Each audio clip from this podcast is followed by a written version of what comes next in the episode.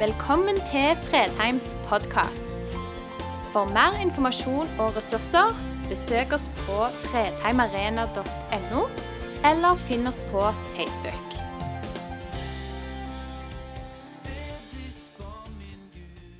For et løfte at den samme kraft som reiste Jesus opp fra død og grav, bor i oss ved troen på Han.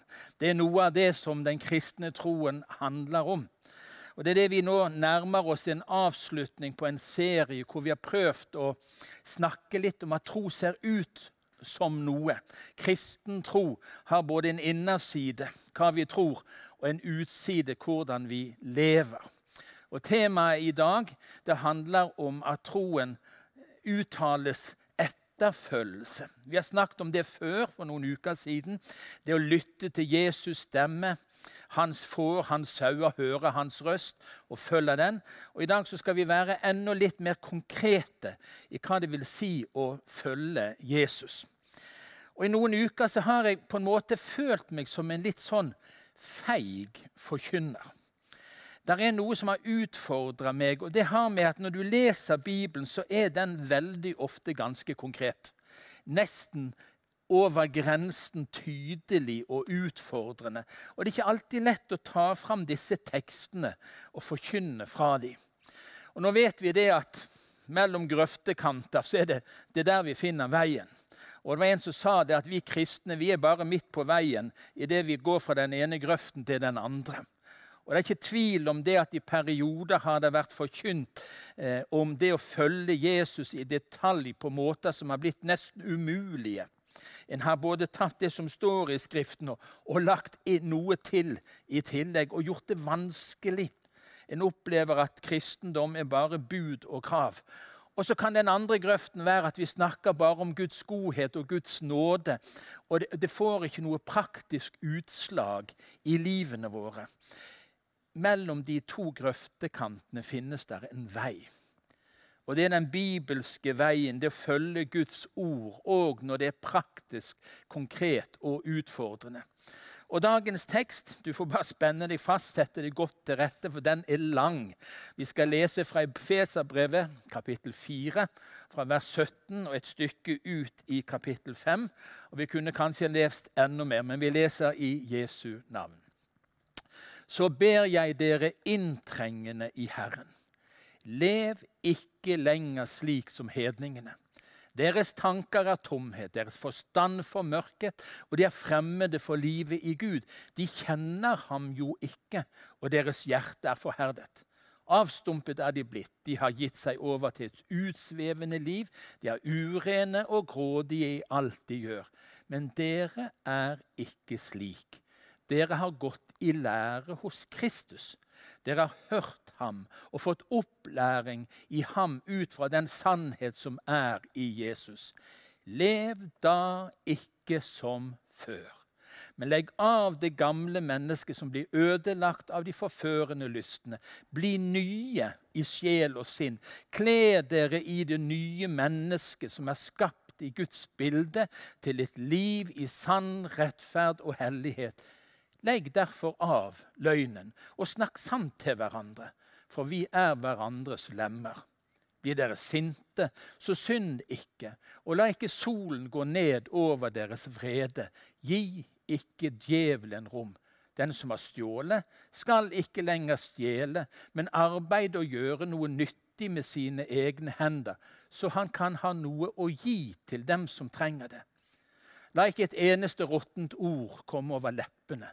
Si bare det som er godt, og som bygger opp der det trengs, så det kan bli til velsignelse for dem som hører på.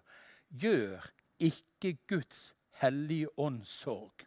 For ånden er det seil dere er merket med helt til frihetens dag. Slutt med all hardhet og hissighet, med sinne, bråk, spott og all annen ondskap. Vær gode mot hverandre, vis medfølelse og tilgi hverandre, slik Gud har tilgitt dere i Kristus. Ha Gud som forbilde. Dere som er hans elskede barn, lev i kjærlighet slik Kristus elsket oss og ga seg selv som en offergave, en velluktende duft for Gud. Hor, all slags urenhet og grådighet må det ikke engang være tale om hos dere. Slikt sømmer seg ikke for hellige. Rå ord Tåpelig tale og grovt snakk er også upassende. Si heller takk til Gud. For dere skal vite at ingen som driver hor, lever i urenhet eller er grådige, skal arve Guds og Kristi rike. Dette er jo avgudsdyrkelse. La ingen narre dere med tomme ord, for slikt gjør at Guds vrede rammer de ulydige. Gjør ikke felles sak med dem. Slik lyder Guds ord. Og hva skal vi si til det? Kanskje skulle vi bare lest teksten to-tre ganger og latt den stå for seg sjøl. For dette er altså Guds ord om å følge Jesus og være hans eh, etterfølger i praksis. Og det er sannelig praktisk nok. Men et lite sånn glimt før og nå på et litt djupere plan. Lev da ikke som før, men legg av det gamle mennesket. Det har skjedd noe nytt ved troen på Jesus. Den som har tatt imot Jesus, og som følger han, han er død og begravd, står det i Romerbrevet kapittel 6. Vi har fått del i Jesu død, den døden som var for all synd og for alle syndere. Jesu død er blitt vår død. Det gamle mennesket skal ikke lenger få lov å regjere, skal ikke lenger få lov å herje. Det er ikke lenger vår identitet. Og så er det dette med fakta og følelser. Én ting er hva som står her. Hva som er et objektivt fakta. At vi ved troen på Jesus er nye mennesker. Det gamle mennesket ble spikra til korset sammen med Jesus. Men det er ikke det vi føler. De fleste av oss kjenner på at det gamle mennesket lever i beste velgående. Det er skikkelig til stede i våre liv, og vi må være på vakt, sier disse tekstene. Legg av det gamle. Vær klar over at du er kalt til å leve et nytt liv. Du er ikke lenger en slave under synden, sier Bibelen. Vi er født på ny. Troen har gitt oss et nytt liv. Det gamle mennesket skal ikke få dominere lenger. Og så er det noe nytt vi skal kle oss i. Kle dere i det nye mennesket som er skapt i Guds bilde. Ved troen så har vi fått del i Jesu død oppstandelse. Vi er like rene og hellige som Jesus er. Og så sier teksten, ta nå de klærne på deg, da. Kle deg i det nye. La det gamle ligge. Ikke vær så opptatt av det gamle. Ikke sånn som det var før. Ikke lev sånn som før. Du har fått en ny identitet. Når du står opp om morgenen, så kler du fysisk på deg, og du kler åndelig på deg. Så tenker du, 'Jesus, i dag skal jeg leve det nye livet.' Det livet som jeg fikk ved troen på deg. Og igjen så er det fakta og følelser. Vi kjenner det gamle. Vi utfordres av det gamle i tanker, følelser, sinn og vilje. Men det er en ny identitet. Gud ser på oss som nye ser på oss som sine barn, skapt til å leve et nytt liv. Og så var det dette krevende, utfordrende, tydelige, overtydelige budskapet i dagens tekst om at den kristne troen ser ut som noe. Jeg er en kristen, siterte jeg, men det merkes ikke på meg. Det, det, er ikke det som er målet med livet sammen med Jesus. Jo, jeg har fått tak i nåden og en billett til himmelen, men for så det bare være. Det livet jeg lever, betyr jo ingenting. Jo, det betyr noe. Så store deler av Det nye testamentet er om etterfølgelse i praksis. Og Hadde vi lest litt videre i kapittel 5 i Efeserbrevet, så står det i vers 15 og 16.: Pass derfor nøye på hvordan dere lever. Ikke som ukloke, men som kloke. Så dere bruker den dyrebare tiden godt, for dagene er onde. Vi, vi får en ny måte å forstå livet på. Altså, vi, vi, vi er kommet inn i en ny sammenheng. tiden er viktig. Vi har disse dagene, vi har disse timene, vi har disse årene. Og den er dyrebar. Det, det, det er i disse dagene, disse tidene, vi kan få lov å gi Jesus videre til andre mennesker. I vår nærhet, i vår omgangskrets, i vår familie, på arbeidsplasser og på skole. Det er en dyrebar tid vi har. Og så sier Bibelen 'vær nøye'. Vær nøye. Og så sitter noen med, tanker fra søndagsskolen. Vær forsiktig, lille barn, hva du gjør. Og så blir vi litt sånn Oi, skal det nå bare være dom og forargelse og hva som ikke vi har lovt, og hva som er synd? Og det er ikke det som er poenget. Poenget er at vi som har tatt imot Jesus, som er kalt til å følge han, vi kan bruke de onde dagene til noe godt med måten vi lever på, med måten vi praktiserer vår kristne tro på, så kan det bety en forskjell for mennesker. Vær kloke. Vær nøye med hvordan vi lever. Og så kom det en lang, lang liste hva vi skal legge av. Vi skal legge av det usanne. Vi skal snakke sant. Det er så lett å være litt unøyaktig. Liksom bare være så vidt innenfor rammen av hva som er sant. Men vi skal tale sant. Vi skal slutte med hardhet og hissighet. Ja, det er lett for deg å si, som kanskje ikke er så hissig av natur. Du skulle visst hvordan jeg er, tenker du kanskje. For det er hissighet som er mitt problem. Men Bibelen oppfordrer oss til å legge av det som bryter ned, det som skader andre mennesker. Pass nøye på.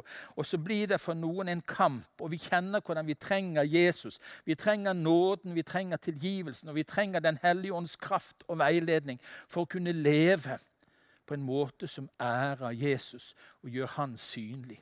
Slutt med all ondskap hor og urenhet. Og Nå blir jo ofte Kirken beskyldt for å bare snakke om seksualitet. Men det, la, si, det kom langt ned på listen. Denne teksten er full av livsområder hvor etterfølgelsen av Jesus blir så ganske praktisk. Vi skal legge av oss. Jo, vi skal legge av hor og urenhet. Vi skal legge av grådighet. Vi skal legge av det råe snakk og jeg tror mange av oss både, både, har hørt vitser og fortalt vitser som vi kjente Oi, det smakte ikke helt. Jeg skulle ikke ha ledd, for det, det, det var ikke bra. Og stadig utsettes vi for ord og bilder fra alle medier som stormer på oss, hvor dette fyller vår tanke og fyller vårt sinn. Legg av, sier Bibelen. Det å følge Jesus ser ut som noe. Og fordi vi alle sliter med områder i våre liv, så driver dette oss inn til Jesus. For dette får vi ikke til alene. Jeg kan ikke bare ta meg i nakkeskinnet og bestemme meg for å slutte med og begynne med. Det er ikke så enkelt. Det er en kamp. Og det sier Bibelen så tydelig. Det er en kamp mellom det gode og det onde òg i oss. Men Bibelen åh, vil så gjerne at troen vår skal få en utside, et uttrykk hvor vi legger av det usanne, løgnen, hardheten og hissigheten, ondskapen, hor og urenhet, grådighet og rått snakk. Så sto det to ganger i denne teksten Gjør ikke Guds hellige ånds sorg. For ånden er det seil dere har merket med helt til frihetens dag. Det kommer en dag der framme da dette ikke er noe problem for oss lenger. Hvor det som skal legges av, er lagt av fysisk for alltid. Det er når vi ser Jesus og blir han lik. Men nå bærer vi Guds ånd i oss, og det er en var ånd. Den lengter etter renhet. Den lengter etter å få løfte Jesus fram og gjøre Jesus synlig.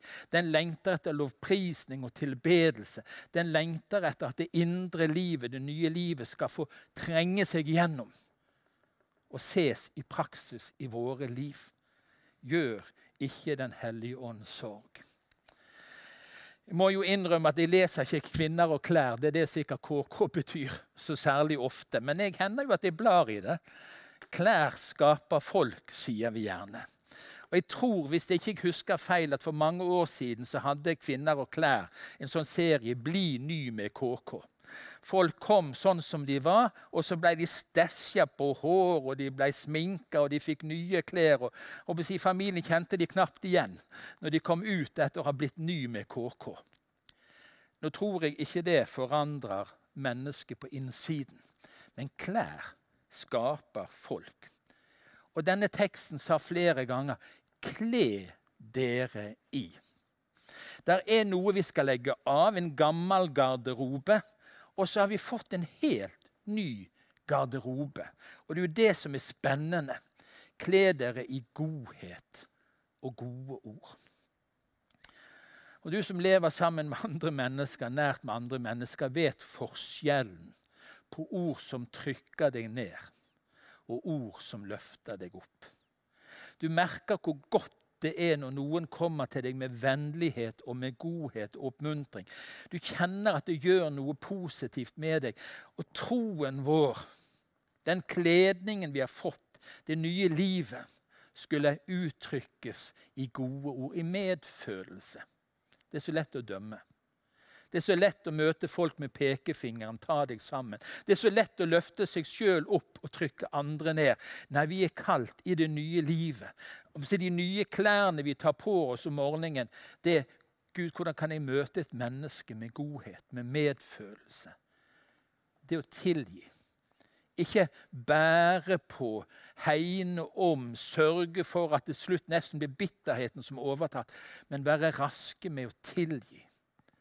Kle dere i kjærlighet. Det er gjerne hovedbudskapet Det nye testamentet har om det å følge Jesus. Kle dere i kjærlighet. Det er altså mulig for en kristen som har tatt imot troen av, nåde helt gratis.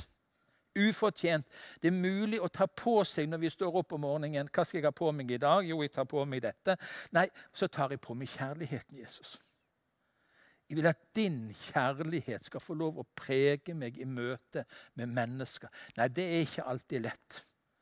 Men vi har fått en ny kledning, en ny garderobe. Giverglede sto der om takknemlighet. Og Det er så herlig å møte mennesker som møter livet med takknemlighet. Og Det er ikke så lett i disse dagene hvor det er så store utfordringer for de fleste av oss. Men det er en grunnholdning i den nye garderoben som vi har fått ved troen på Jesus. I etterfølgelsen av Han så er det noe vi legger av, og så er det noe vi kler på oss. Og Se på denne listen. ikke er det herlig å møte sånne folk? ikke det, Du kjenner at det, dette mennesket du har lyst å være rundt. Dette mennesket du har lyst å være nær. Dette mennesket som er med å løfte deg og påvirke deg og gi deg det gode? Jo, vi skal legge av, sier Bibelen. Men skal vi òg sannelig kle oss i? Ha Gud som forbilde, sto det her i vers 1 i kapittel 5.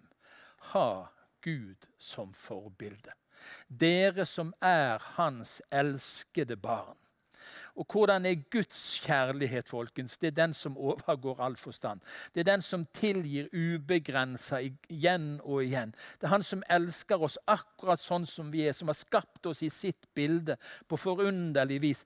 Han er forbildet for vårt praktiske liv.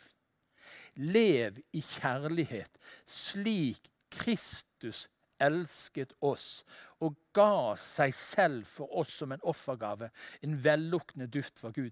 Slik Kristus elsker, skal vi få elske. Og hvordan elsker Jesus? Hva kjennetegnte hans kjærlighet? Jo, Det ene var at den ikke plukte ut de som var elskverdige, men han elsker alle. Han døde for alle, slik Kristus elsker deg. Slik Kristus tilga deg. Slik Kristus møter deg hver dag du kommer til Han, skal du få lov å møte mennesker. Skal jeg få lov å møte mennesker? Kristen tro ser ut som noe. Kristen tro uttales som etterfølgelse i det at vi legger av og kler oss i. Og så blir vi bare mer nådeavhengig når vi òg leser disse typer tekster. Når vi forkynner disse tingene, så kjenner vi, kjære Gud, dette får jeg ikke til. Men da kan vi få lov å komme til Jesus med det som gikk i stykker. Kan vi få lov å legge av? Kan vi få lov å bekjenne vår synd? Kan vi få lov å be om tilgivelse og oppreisning og få lov å gå videre? med den lengselen Kom, Hellige Ånd, du som bor i meg. La Guds bilde i meg, det nye livet, være det som skinner fram. Lær meg å elske sånn som Kristus elsker. Og på den måten være med og lede mennesker inn til deg, Jesus. Skal vi be sammen. Jesus, takk for at du ga ditt liv for oss mens vi ennå var syndere. Og takk for at du kommer til oss hver eneste dag, vi som fremdeles sliter og rives mellom det gamle og det nye, Herre.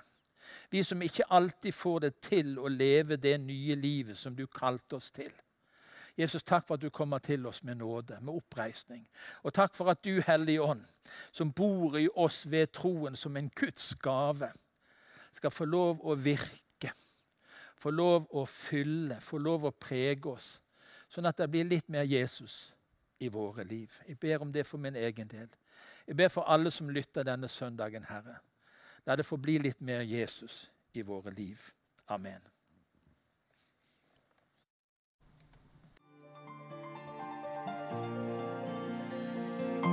Takk for at du valgte å høre på. Nye opptak legges ut hver uke. Vi har gudstjenester hver helg, og du er hjertelig velkommen.